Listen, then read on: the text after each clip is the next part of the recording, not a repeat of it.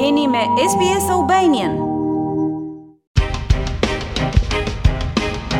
Respektimi i protokolleve kulturore të popujve aborigjenë të Australisë dhe të ishujve të ngushticës së Torresit është një hap i rëndësishëm drejt të kuptuarit dhe respektimit të pronarëve tradicionalë të tokës ku të gjithë jetojmë. Ky raport prezanton disa protokolle të rëndësishme kulturore që nderojnë njohuritë dhe statusin unik që kanë australianët e parë. Protokollet kulturore indigjene bazohen në disa parime etike që formojnë marrëdhëniet tona personale dhe të punës me popujt aborigjenë dhe popujt e ishujve të ngushticës së Torres. Është e rëndësishme që këto marrëdhënie të ushqehen, sepse aborigjenët janë australianët e parë dhe kanë një njohuri të ngushtë të kësaj toke, që na mësojnë si të kujdesemi për të. Caroline Hughes nga populli Ngunnawal në rajonin e Kanberas është një aborigjene që vlerësohet si e urtë për njohuritë e saj të thella kulturore në lidhje me popullin e saj.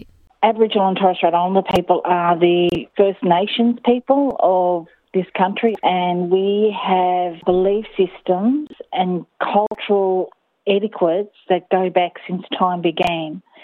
Aborigjenët dhe banorët e ishullit të Torres Strait janë njerëzit e kombeve të parë të këtij vendi, dhe ne kemi sisteme besimi dhe etiketa kulturore që janë të vjetra që nga fillimi i kohës. Sot në Australinë moderne, këto janë ende pjesë e rëndësishme e jetës tonë. Duke respektuar protokollet kulturore, ne pranojmë lidhjen e pandërprerë që australianët tanë të parë kanë me tokën dhe praktikat e tyre të lashta, thotë e urta Rhoda Roberts. We've continued oral stories, protocols and rituals for eons. Ne kemi ruajtur tregimet gojore, protokollet dhe ritualet për shekuj me radhë. Dhe ndërsa disa gjëra kanë ndryshuar, sepse ne nuk jemi një popull statik, e gjithë premisa dhe filozofia e asaj që jemi është kujdesi për vendin, që është toka, deti dhe rrugët tona ujore, si edhe qielli. Termi indigjen australian përfshin si njerëzit aborigjenë, ashtu edhe ata të ishullit të ngushticës Torres, por aborigjenët i referohen vetes me mënyra që lidhen më mirë me identitetin e tyre. Për shembull, Caroline Hughes i referohet vetes si një grua nga Ngunnawal. It's appropriate to call us Aboriginal or Torres Strait Islander. Është e përshtatshme të na quani aborigjenë ose ishullorë të ngushticës së Torresit. Unë preferoj të quhem një grua Ngunnawal sepse ai është vendi im. Pra vendi im është gjuha që flas dhe grupi im fisnor, dhe këto u tregojnë njerëzve të tjerë aborigjenë se prej nga vij unë. Koori përdoret shpesh për të identifikuar vendasit e New South Wales ose të Viktorias. Marri përdoret për vendasit e Queensland-it, ndërsa aborigjenët e Tasmanisë e quajnë veten Palawa. Ishullorët e ngushticës Torres janë popujt indigjenë të ishujve midis majës së gadishullit Cape York dhe Papua Ginesë së Re dhe janë kryesisht me prejardhje melaneziane.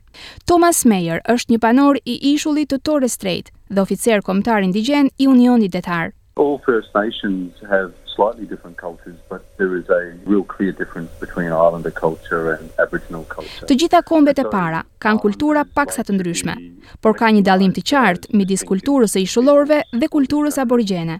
Dhe prandaj banorët e ishullit preferojnë të njihen si popuj të veçantë indigjenë. Të dy flamujt e aborigjenëve dhe të ishujve të Torres Strait valviten së bashku me flamurin kombëtar australian për të njohur këta popuj të veçantë indigjenë. Ne tregojmë respekt duke iu referuar termave të tilla si indigjen, aborigjen, ishulltar të ngushticës së Torres dhe Toka si emra të përveçëm të sinjalizuar me shkronjë të madhe.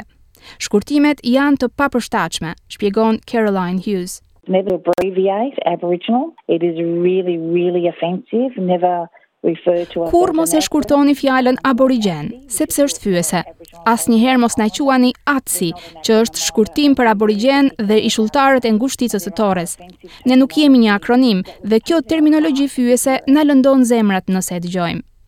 Terma të tillë si kujdestar dhe të urtët janë gjithashtu emra të përveçëm.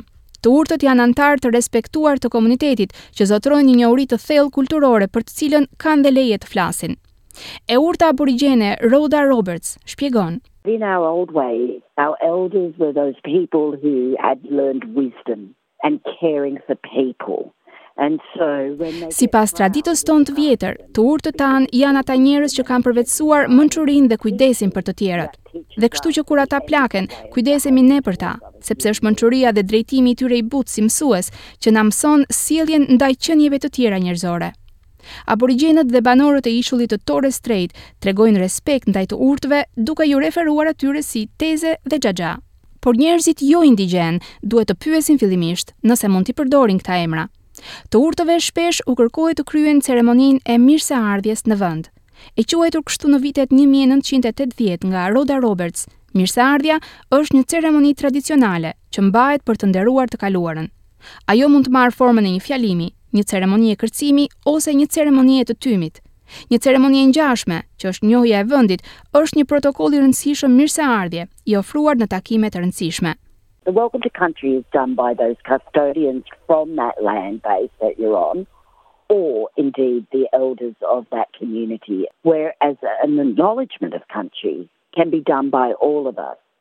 Ceremonia e mirëseardhjes në vend bëhet nga kujdestarët e tokës ku ndodheni, nga të urtët e atij komuniteti. Ndërsa ceremonia e njohjes së vendit mund të bëhet nga të gjithë ne, kudo prej nga vijmë. Nëpërmjet saj ne tregojmë se kemi respekt për tokën e vendasve dhe se jemi të ndërgjegjësuar që po vizitojmë tokën e dikujt tjetër. Ceremonia e të njohurit të vendit do të thotë të pranosh se në këtë vend mund të punosh ose të jetosh, por ky nuk është vendi prej nga vjen. por ti je bërë pjesë e tij dhe për këtë duhet të njohësh dhe të falenderosh kujdestarët dhe të urtët e kësaj toke. Është gjithashtu e rëndësishme të pranohet trauma historike e përjetuar nga njerëzit aborigjenë dhe banorët e ishullit të Torres Strait kur vihet në dyshim historia e këtyre individëve, thotë Caroline Hughes. Well, it's very inappropriate to talk about percentages and even skin colouring or eye colouring, hair colouring, because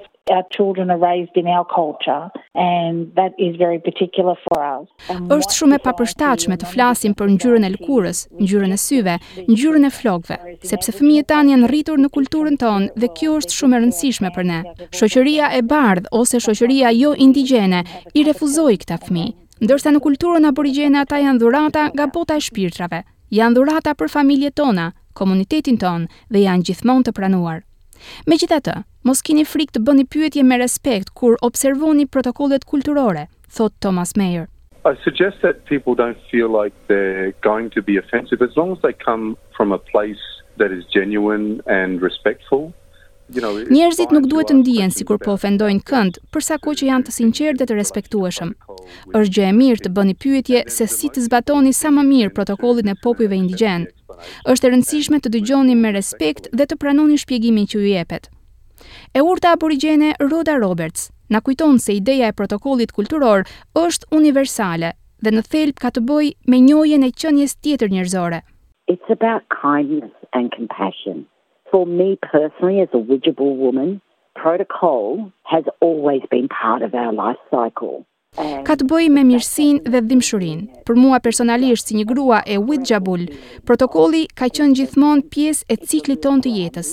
Dhe fakti që ne ende e ndjekim na sjell një ndjenjë të pabesueshme krenarie.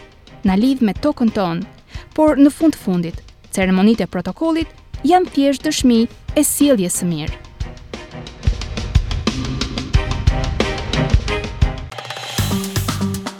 A ju pëlqeu ky reportazh? Për më shumë vizitoni Apple Podcast, Spotify ose faqet e tjera të podcast.